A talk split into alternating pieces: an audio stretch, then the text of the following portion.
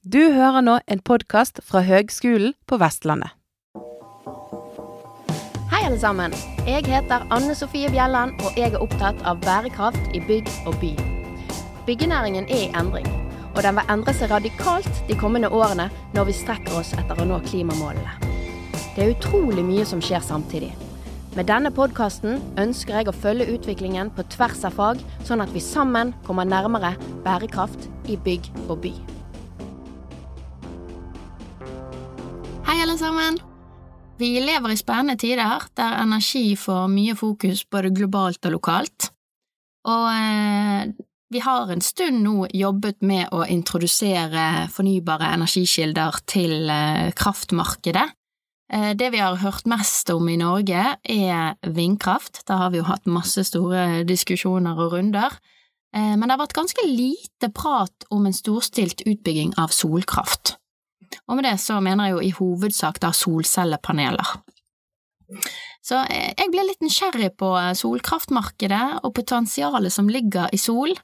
Derfor så har jeg snakket med Ranveig Isaksen, energi- og miljørådgiver i Covi. Hallo, Jan Ranveig. Hallo, Anne. Hei. Du, takk for at du tar deg tid til å prate med meg. Jo, nei, takk som spurte. Eh, først er jeg nysgjerrig på bakgrunnen din. Eh, min bakgrunn er at jeg er en materialviter. Eh, så jeg studerte på Universitetet i Oslo, hvor jeg studerte materialvitenskap for energi og nanoteknologi. Eh, hvor jeg lærte mye om materialer som brukes inni solceller og battericeller. Også på master valgte jeg å spesialisere meg i drift, vedlikehold og monitorering av solkraftanlegg, samt vurdere ødelagte solcellepaneler. Noen av de var ødelagt fra før av, og noen av de ødela jeg selv. Så brukte jeg ganske lang tid på å sjekke hvor ødelagt de var, med ulike analysemetoder. Ja. Hva viste, det, viste undersøkelsene dine? Nei, altså Som masterstudent så vil jeg si at undersøkelsene mine var veldig skuffende. Fordi at du håper jo at når du aktivt går inn og hamrer på noen solcellepaneler, at de blir ganske ødelagte, og at du får noen kule resultater.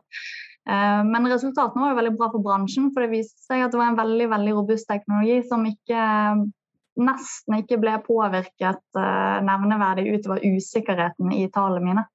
Det er jo fantastisk. Så, ja, det er jo veldig flott. Mm. Men eh, så var du ferdig med masteren, og hva er din rolle i dag? I dag så jobber jeg som rådgivende ingeniør i Covi. Eh, og her så jobber jeg primært med solenergi, men også noe batterier. Mm. Hva er typiske arbeidsoppgaver, da?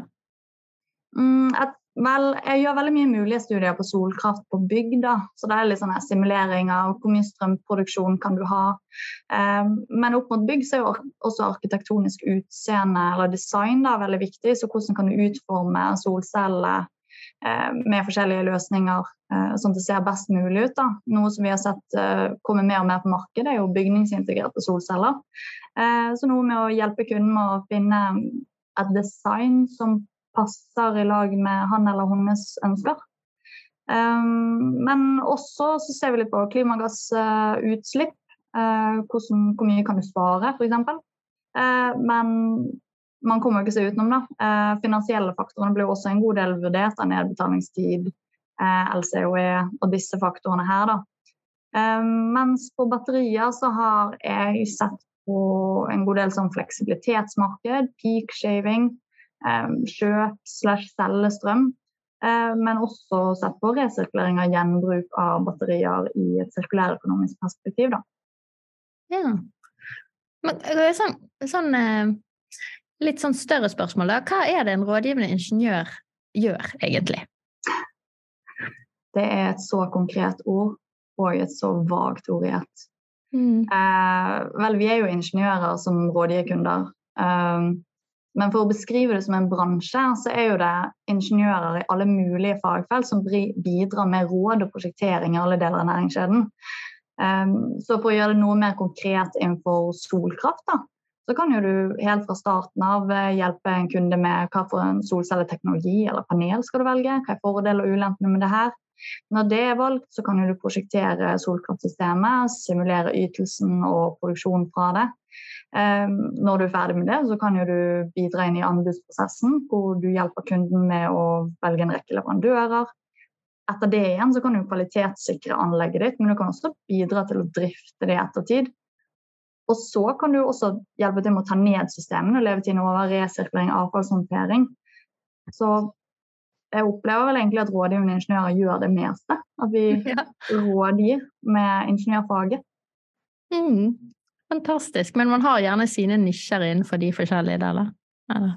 Ja, vi har definitivt det. Uh, og det som jeg har sett virkelig i det siste, er jo det at uh, i mine prosjekter jeg møter så ofte på andre fagfelt. Altså, det er ikke noe poeng at jeg skal sitte og ha en sterk mening om hva en branningeniør egentlig kan veldig mye bedre enn meg. Uh, så det er ofte jeg trekker på elektroingeniører, geoteknikere på bakkemonterte, da, miljørådgivere, bygningsfysikere, altså alt mulig.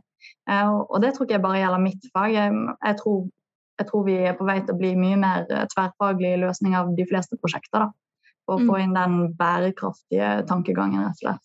Mm. Jeg tror du har rett i. Men, men um, solenergi, altså, hva er den største utviklingen du har sett innenfor solenergi de siste årene? Vel, hva jeg har sett um, jeg vil jo bare si at Inntil nylig så har jeg arbeidet stort sett med norske kunder. Uh, og veldig mange av de prosjektene har vært solkraft på bygg. Eh, og her så har jeg sett en veldig stor økt eh, bevissthet, som da resulterer, resulterer i mer kunnskap, behov for mer kunnskap, og i etterspørsel. Um, og så tror jeg samtidig at de høye strømprisene har bidratt til å øke bevisstheten, ettersom at økonomien i alternative energiløsninger er noe bedre nå. Um, men det er flere som er opptatt av bærekraft. Um, og det som er moro med den økt, økte bevisstheten, er jo at de skaper denne økte etterspørsel, som igjen krever mer kompetanse. Flere folk på solkraft, men også de grenseliggende fagene som jeg snakket om i sted. Uh, og med det økte kunnskapsbehovet så syns jeg det er veldig gøy uh, å ha en arbeidsgiver som tillater at jeg får lov til å drive med faglig utvikling. Men også det å få lov til å delta i solenergiklyngen.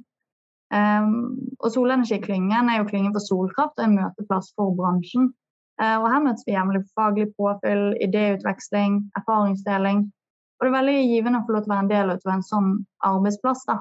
Nei, altså møteplass. Uh, så definitivt mer bevisstgjøring blant folk flest. Mer behov for mer kunnskap og høyere etterspørsel er vel den største endringen jeg har merket de siste årene. Ja, men Det høres jo veldig veldig lovende ut. Men, men kan ikke vi uh, gå gjennom dine seks gode grunner til å satse på solkraft? Jo, det kan vi selvfølgelig. Uh, ja, ja, jeg skrev et leserinnlegg i Bergens Tidende. Uh, litt, uh, du hører jo på meg at jeg er bergenser. Kanskje litt avslepen dialekt nå, men jeg holder nå på det jeg kan. Um, men nei, det er jo ofte når jeg har vært i Bergen, så hører jeg ah, hva er poenget med solceller? Så gikk det en liten fanden i meg, da. Så da gjorde jeg en kvalitativ beregning for å vise til bergensere hva poenget med solceller er. Og da rettere sagt hva poenget med solceller i Bergen er.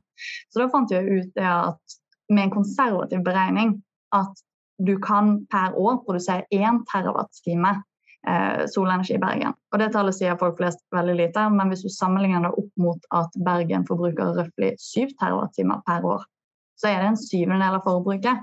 Og det er ganske markant.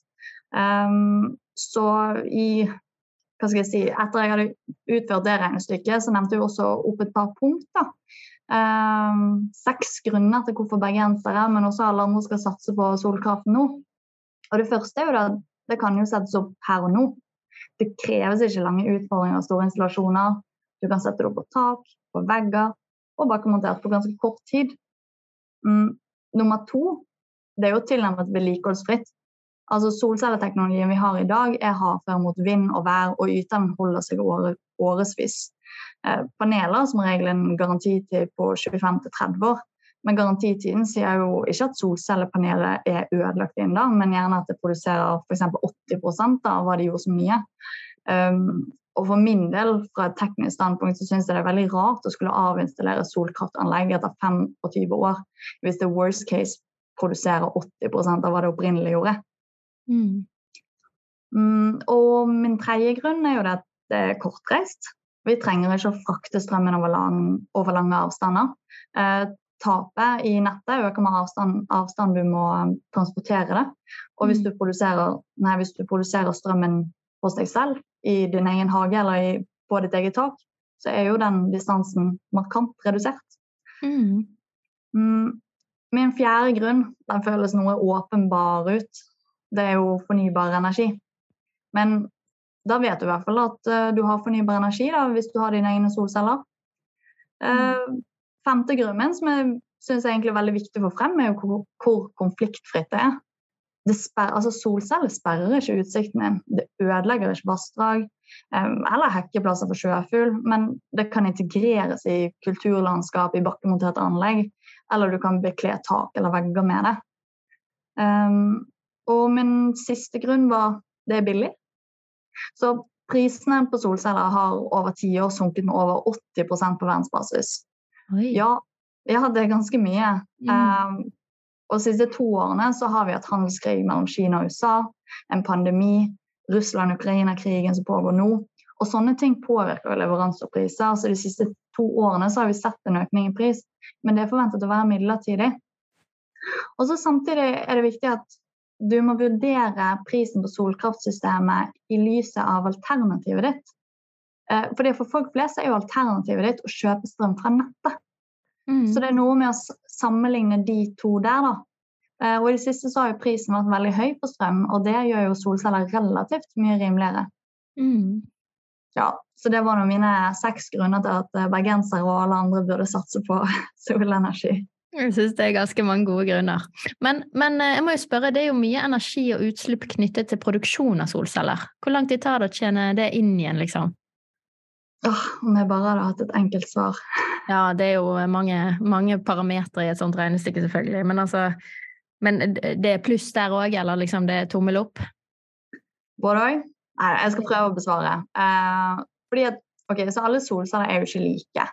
Så du må se på hvor mye utslipp kommer det av produksjonen av de. Eh, hvor mye utslipp kommer av frakten av å få solceller fra produksjonsstedet til deg. Og hvor effektive er disse prosessene. Um, og Et annet punkt er jo hvor har du tenkt å bruke solcellen din? Eh, har du tenkt å bruke den et sted med mye solenergi? Eh, og har du tenkt å bruke den et sted hvor strømnettet har høye klimagassutslipp til strømmen, som du ellers ville brukt, eller den du har erstatter? Så hvis du bruker en solcelle som har høye utslipp relatert til seg, som blir produsert mindre energieffektivt, og du plasserer den et sted hvor det nesten bare er fornybar energi eh, med lite utslipp knyttet til seg, og du har et dårlig solkraftanlegg som produserer ganske lite, så nei, da får ikke du energien eller utslippen, altså utslippene tilbake. Mm. Um, men du kan si at her kommer inn den verdien med å være bevisst rundt utslipp og solcellepanel du velger. Ehm, og hvorfor du skal designe et godt solkraftanlegg som produserer så mye som mulig i forhold til forholdet. Men også hvorfor levetid er så viktig. Men for å gi et litt mer konkret eksempel, da. Um, Tandberghøgda er et uh, ganske stort boligprosjekt i Hønefoss med Fredrik Skarstein i fronten. Uh, en av hvor vi, jeg vil tørre å påstå at han er en fantastisk fremoverlent kunde. da. Eh, absolutt beskriver beskrive han som det. Eh, han vil jo ha et bakkemontert solkraftanlegg på 500 kW peak.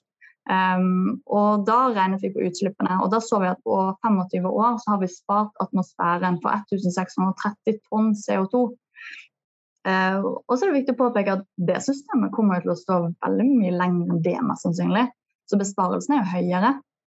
Um, og så klimagassutslipp Eh, og energi er jo én ting, eh, men så også når man først er inne på hans anlegg, så har jeg nesten litt lyst til å si det at eh, i tillegg til at han ville ha solceller, så ville han også ha sauer som trasket rundt der. Så han benytter arealet dobbelt. Så jeg tror at vi vil se mer og mer at man benytter arealet dobbelt. da. Enten ved sauer eller ved å kombinere vind med sol. Altså, det, det er viktig at hvis du først skal beslaglegge et areal til å ha fornybar Eh, produksjon, så skal ikke du bare blindt tenke at det er fantastisk, du får mer solenergi. Vi må se kan vi gjøre det enda mer fantastisk. Mm. Ja. Veldig bra. Eh, men du var litt inne på dette med, med jeg, lønnsomhet. Og for, folk flest, lønner det seg nå? For folk flest så betyr jo det et mindre solkraftanlegg. Um, og det er jo sånn at jo større solkraftanlegg du, du kjøper, jo, mindre, ja, jo, større du kjøper, jo mindre vil typisk hver kilowattime produsert over levetiden være. Eh, så om det lønner seg, er vanskelig å si, men igjen så er det flere faktorer som dominerer her. Og Den ene er jo hvor mye betalte du, eller har du tenkt å betale for solkraftsystemet ditt. Eh, prisen av de siste tiden har vært noe høyere, som jeg påpekte, så her kan det kanskje lønne seg å vente litt. Um, andre elementer er jo hvor mye av solkraften som du produserer, har du tenkt å bruke selv? Eh, fordi at når du kjøper strøm, så kjøper du spotprisen med nettleie og avgifter. Men når du selger strøm, så selger du bare til spotprisen. Eh, altså ved å bruke den egenproduserte strømmen, så sparer du ja, røftlig 1 krone per kilowattime ved å anta en spot rundt 50. Men om du selger, så tjener du bare 50 øre. Det er ganske stor forskjell mellom 1 krone og 50 øre der. sant? Eh, så altså, jo høyere andel av den egenproduserte energien du bruker der, jo rimeligere vil anlegget være. Men så er det også den tredje faktoren, og det er jo hva kommer strømprisen til å være fremover. Og om jeg kunne gjette det, eh, da hadde jeg tjent mye penger. Men, eh, eller hvis jeg med sikkerhet kunne forutsagt det. Men så hvis strømprisene hadde vært sånn som de er nå fremover, selvfølgelig, det er lønnsomt men det er gjerne ikke tilfellet. Eh, vi, vi, vil nok ha høye strømpriser fremover, eh, altså ganske høye fremover i noen år. Og vi vil nok se at strømprisene vil være noe høyere over en lang tid fremover. Men vi må også huske det at solkraftanlegget skal jo vare gjerne minimum 25-30 år.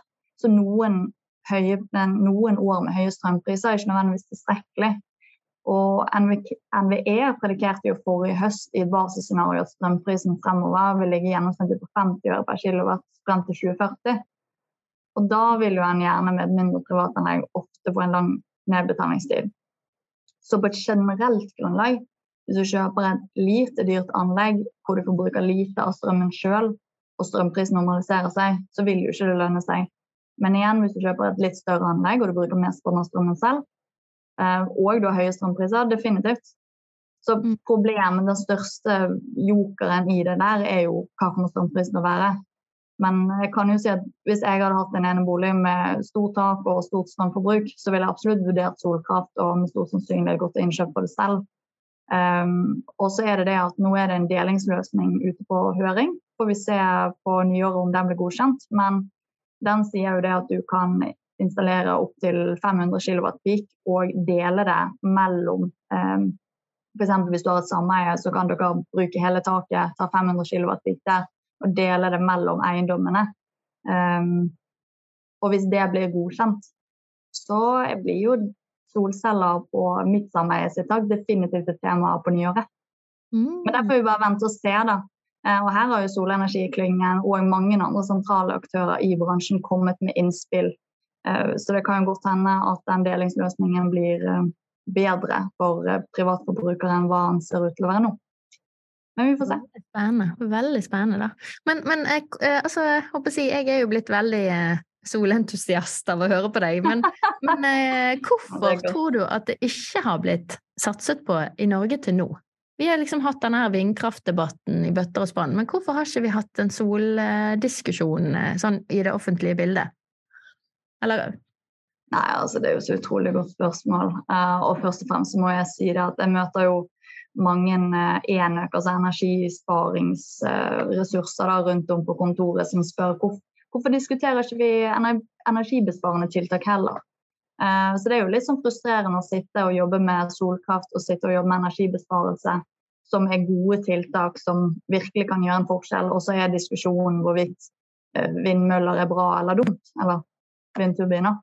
Mm. Um, men altså, sånn, for å besvare spørsmålet litt da, med solkraft i Norge, så tror jeg det handler veldig mye om at Norge har et mye rimelig vannkraft frem til nå. Altså, vi har billig strøm. Vi har egentlig ikke brydd oss om veldig mye med det folk flest. da. Mm. Uh, men så nå har vi et økt strømbehov pga. elektrifiseringen. Vi trenger reduserte klimagassutslipp av klimakrisen.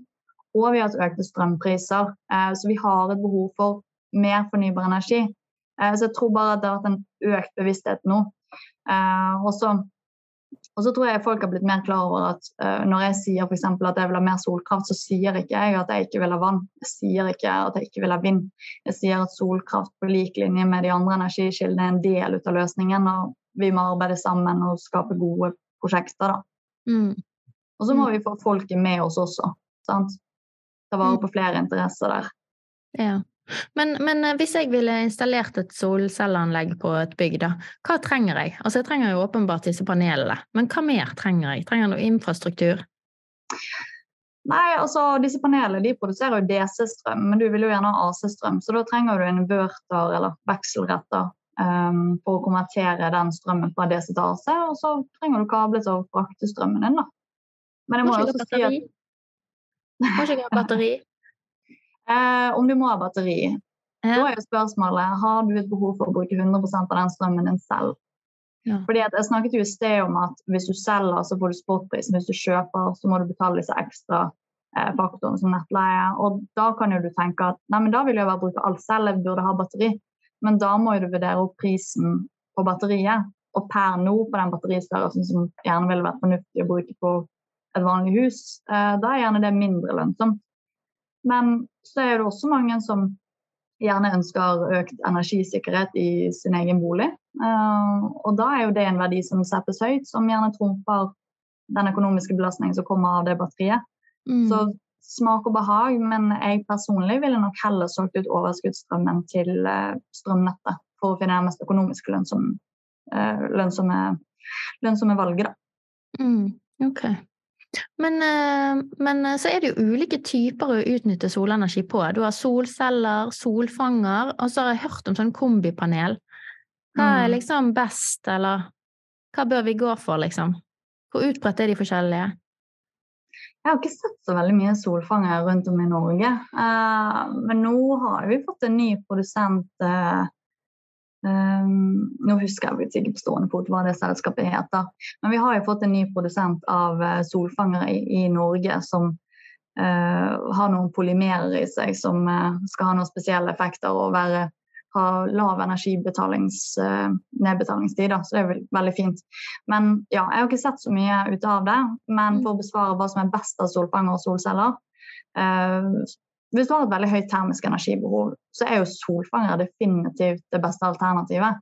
Eh, fordi at solfangere har en annen teknologi hvor de klarer å benytte seg av en høyere andel av det innkommende eh, sollyset. Så en sier jo gjerne at effektiviteten til solfanger er rundt 60% men den er jo røftlig rundt 20% på solceller.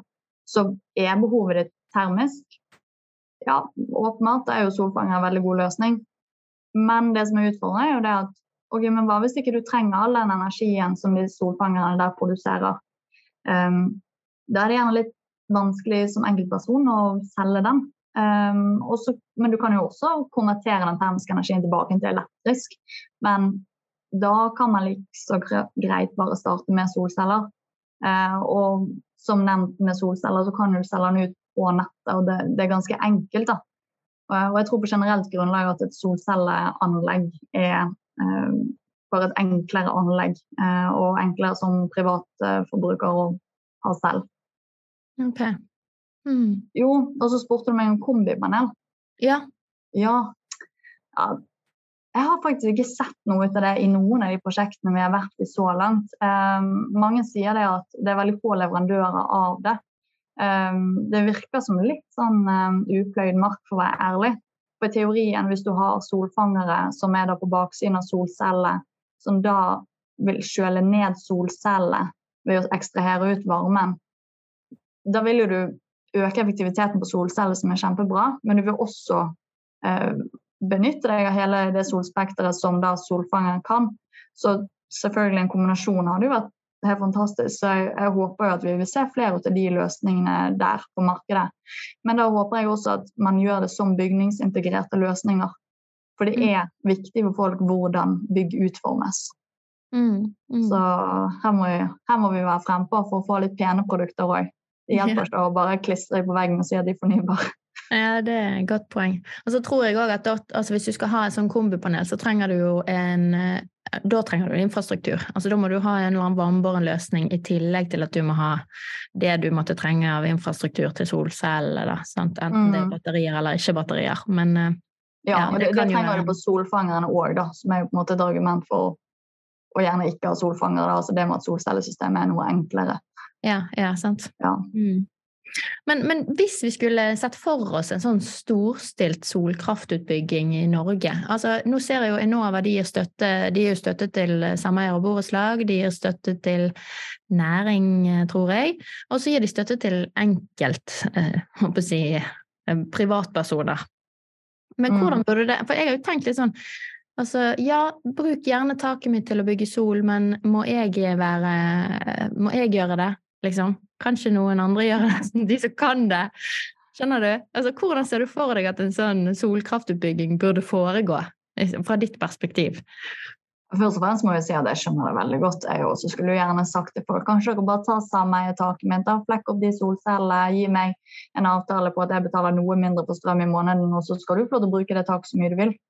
Eh, men problemet der er jo det at det er veldig mange små systemer, så det er gjerne ikke så økonomisk gunstig for leverandøren, eventuelt de som skal eie disse systemene, å gjøre det. da. Men hvordan jeg tenker at det burde foregå i Norge, da, Uh, på bygg så her mener jeg at det er de store nærings- og industribyggene som burde stå for mesteparten av solkraftanleggene. Og det er jo pga. det jeg nevnte i sted, med at jo større anlegg du kjøper, jo mindre vil per kilowattime koste. Så mm. selv om du sitter med masse Enova-støtte på ditt privateide anlegg, så vil du nok sitte med dyrere anlegg, mm. selv etter støtten, enn hva en uh, storkunde kan gjøre. Ja. Så um, ja. Det er vel egentlig det på bygg, da. Det er de store byggene som burde dra lasset der, tenker jeg. Uh, mens på bakkemontert uh, Jeg mener at vi burde få flere at vi burde få flere bakkemonterte anlegg Eh, men vi burde også da bruke områder som ikke kan brukes til noe særlig annet, og ikke så veldig sjenerende. Um, og så burde vi også avdekke potensielle synergier. altså Litt sånn som han kunne på Tandberghøgda, som ville ha sauer i kombinasjon med solcellepanelet. Men også uh, f.eks. hvis du skal kombinere det med altså Vi jobber på et prosjekt nå på Smøla hvor det allerede er en vindkraftpark. Da er det masse ubrukt areal mellom alle disse vindturbinene. Hvorfor ikke bruke de til solceller? Altså, jeg tenker at Vi må ha en helhetlig tankegang når vi velger å benytte oss av et areal til solceller. Se hvilke synergier er det, men også ha tunge ben til munnen og være ærlig med seg selv om de negative konsekvensene av å ta et areal fra andre. Altså, vi må utnytte det best mulig, og vi må høre på uh, alle i området og deres verdier og meninger. Uh, og ikke gjøre det her for kjapt, for da får vi plutselig en motreaksjon som man gjerne har sett på vindkraft. da. Mm. Så jeg syns vi skal være litt forsiktige. Vi skal ha fornybar energi, altså definitivt. Men vi må bare være litt forsiktige. Ja. Men hva, hvordan tror du at vi vil se utviklingen fremover, da? Mm, vel, som privatperson, da, eh, så tenker jeg denne delingsløsningen som jeg snakket litt om, da. Altså, det forslag eh, til et nytt regelverk for deling av produksjon av fornybar energikraft eh, mellom kunder på samme eiendom. Og enn så lenge er det foreslått å kunne dele inntil 500 kW peak. Så for meg som bor i sameie, så om dette høringsforslaget blir godkjent, så kan jeg da installere disse 500 kW-pikene på taket, og alle boenhetene eh, i mitt sameie kan dele på det. Um, så det tror jeg kommer til å være en ganske stor forskjell for privatpersoner. At det rett og slett blir mer økonomisk lønnsomt. Og her må jeg også si at altså, Som jeg nevnte, Solenergiklyngen har uh, spilt inn forslag, men også mange andre sentrale aktører. Eh, og jeg er jo litt spent på om kanskje det 500 kW-peak-tallet blir litt høyere. Jeg håper jo. Mm. Så um, ja. En annen ting som jeg tror kan være en utvikling fremover, um, er jo det at nå ser vi det at solkraft blir rimeligere relativt til strømpriser. Og den prishoppen som vi har sett de siste årene, det forventer vi gjerne er midlertidig. Så jeg tror at vi vil se veldig mye innovasjon hvor man bruker den altså hvor man finner de gode tverrfaglige løsninger. Uh, og du som jobber da innenfor bygg, du bryr deg gjerne ekstra mye om bygningsintegrerte solceller. Og disse her tror jeg kommer til å bli bedre, penere og rimeligere. Mm. Men Eh, jeg tror også at du har mye grensesnitt tverrfaglig på hybride energiparker. Eh, jeg nevnte vind, jeg eh, nevnte kombinere, altså ha både agri-PV, altså jordbruk i lag med PV, som PV-sol, ja. eller solceller. Men jeg tenker også kanskje du kan kombinere det med batterier. Kanskje du kan kombinere med pumpekraftverk. Jeg, jeg, tror vi kommer til å finne ganske mange kule og gode, bærekraftige, innovative løsninger når vi begynner å trekke på ulike fagfelt inn der.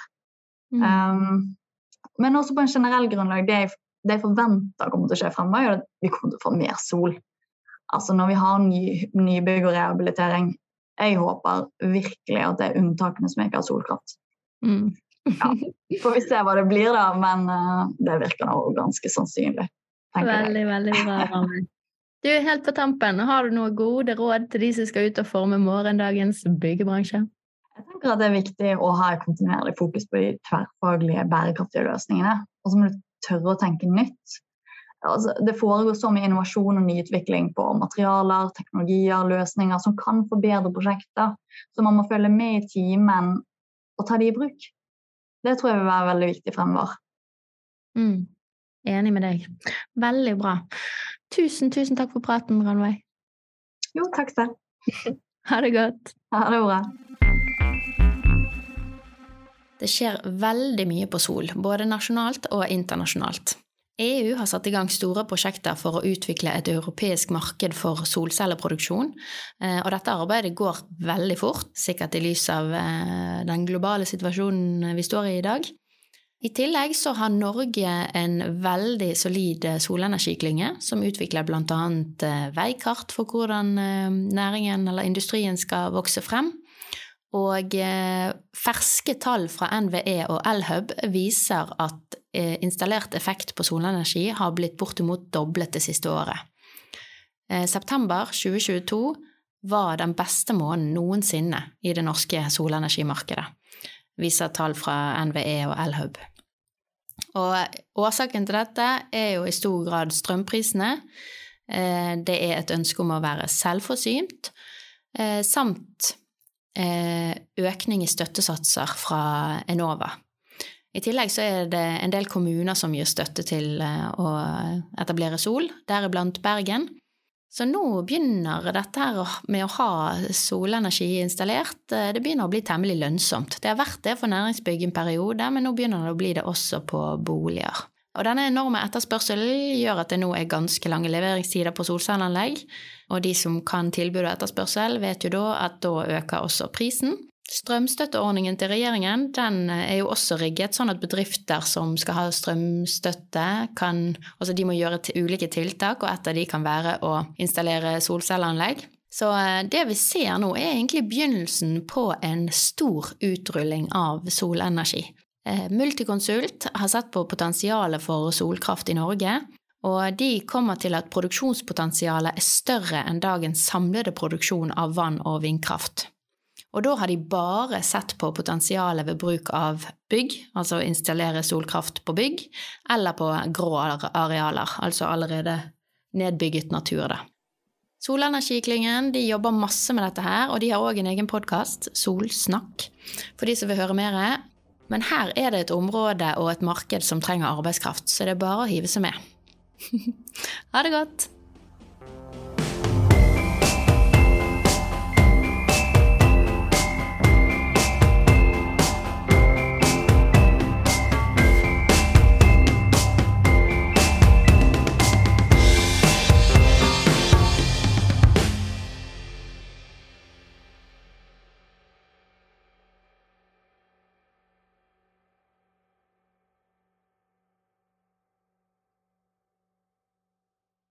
Du har nå hørt en podkast fra Høgskolen på Vestlandet.